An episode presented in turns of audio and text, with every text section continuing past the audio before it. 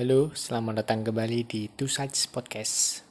Bersama saya kali ini sendirian karena teman nonton saya Fikar nggak mau untuk TED Podcast kali ini. Oke, tanpa basa-basi, kita langsung aja review film The Conjuring 3. Pertama-tama yang saya mau review adalah dari film ini itu masih satu universe dengan The Conjuring atau Insidious. Jadi, feel dari film ini masih sangat kerasa sama saja dengan film pertama atau keduanya, maupun juga dengan film Insidious 1, 2, 3, 4. Saya juga baca-baca review dari teman-teman lain, dari internet, itu banyak yang kurang puas dengan film Conjuring 3 ini. Mungkin saya mau breakdown satu-satu kenapa pada melakukan review seperti itu karena review dari mereka itu kurang detail. Oke, yang pertama kita bahas dari sinematografinya dahulu. Kalau sinematografinya itu masih sama, mirip-mirip dengan film-film sebelumnya, Conjuring 1 atau 2. Lalu juga seperti angle, grading, coloring itu juga masih mirip-mirip. Jadi untuk yang kasus ini itu masih tidak terlalu jauh berbeda dari film-film sebelumnya. Lalu juga menurut saya jump scare-nya itu masih mirip banget sama yang film sebelumnya satu maupun dua. Karena emang pada dasarnya pada dasarnya ini masih satu universe. Jadi itu belum terlalu banyak perbedaan kalau dari segi ini. Lalu kita masuk ke segi yang sangat berbeda yaitu segi plotnya atau ceritanya. Apakah ini sebuah kesalahan dari direkturnya maupun produsernya? Menurut saya enggak. Ini lebih ke selera aja bagaimana penonton mau disuguhkan seperti apa. Lalu kalau ditanya apakah salah dengan mengganti plot ini karena berbeda banget dari yang satu maupun dua, kalau di satu yang dan satu dan dua ini mereka fokus di pengusiran setannya. Lalu yang di ketiga ini tetap ada sih pengusiran setannya, tetapi mereka juga fokus ke mengungkap sebuah misteri gitu. Jadi kayak bagaimana pasangan itu Ed dan Lorraine melakukan sebuah penelusuran untuk menemukan sesuatu yang mereka yakini ada yang mengganjal seperti itu. Dan dari plot yang berbeda itu, maka dibutuhkan treatment yang berbeda juga bagaimana menyampaikan ceritanya film ini ke para penonton sehingga memang jump scare-nya itu tidak terlalu banyak dan tidak seintens film yang pertama dan kedua. Akan tetapi menurut saya sudah cukup untuk film horor dengan plot misteri seperti ini. Dan menurut saya dengan plot yang masih fresh ini, itu memberikan pengalaman menonton yang berbeda daripada film-film horor sebelumnya.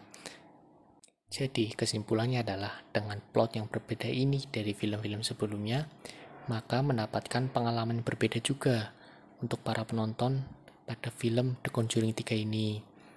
Apakah banyak perbedaan? Menurut saya cukup banyak, karena plot itu bisa dibilang inti dari film itu sendiri. Akan tetapi ketika ditanya apakah film ini menjadi tidak menarik, tentu saja jawaban itu salah. Film ini malah menjadi daya tarik sendiri karena memberikan pengalaman menonton yang berbeda banget daripada film-film sebelumnya. Dan ketika ditanya apakah filmnya menyeramkan ataupun filmnya bagus, jawaban saya adalah cukup menyeramkan dan cukup bagus.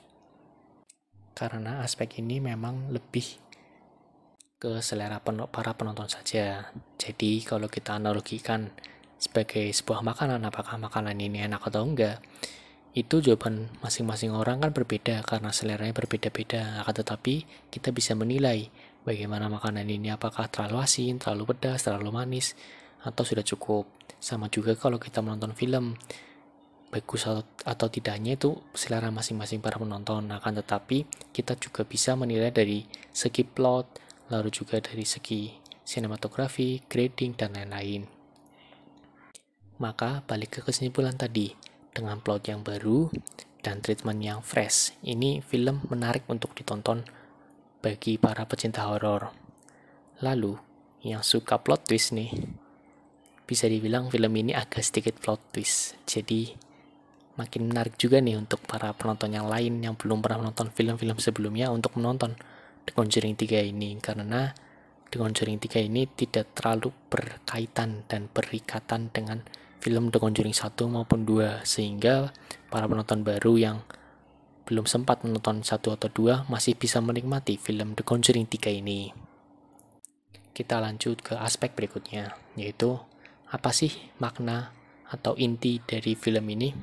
Atau juga ada beberapa orang yang bilang apa sih pesan dari film ini, film ini yang ingin disampaikan dari para pembuatnya ke para penonton? Kalau pesan yang bisa saya tangkap dari film ini adalah jangan pernah takut akan kegelapan atau kejahatan. Karena hal tersebut akan selalu ada di dunia ini, di mana pun kita berada. Yang perlu kita lakukan adalah kita harus tetap berani dan berpegang teguh pada kebenaran. Dan kita bisa mendapatkan kebenaran itu dengan rasa cinta dan kasih sayang dari sesama manusia. Maka jangan pernah lah untuk merasa sendiri dan selalu menebar kebaikan ke sesama manusia karena hal itu sangat penting bagi generasi dan umat manusia itu sendiri. Selalu sebarkan hal positif karena hal positif itu akan kembali ke kita. Sebelum saya tutup, saya ingin menyampaikan kepada para pendengar bahwasanya saya tidak pernah dan tidak akan menilai atau melakukan rating ke suatu film atau hal dan seni lainnya. Karena menurut saya seni itu memiliki pasar dan selera sendiri-sendiri sehingga tidak bisa dinilai dengan absolut. Tetapi kita bisa menilai apakah seni tersebut baik atau buruk dari aspek-aspek yang bisa dinilai sekian dari saya sampai jumpa di episode berikutnya. See you.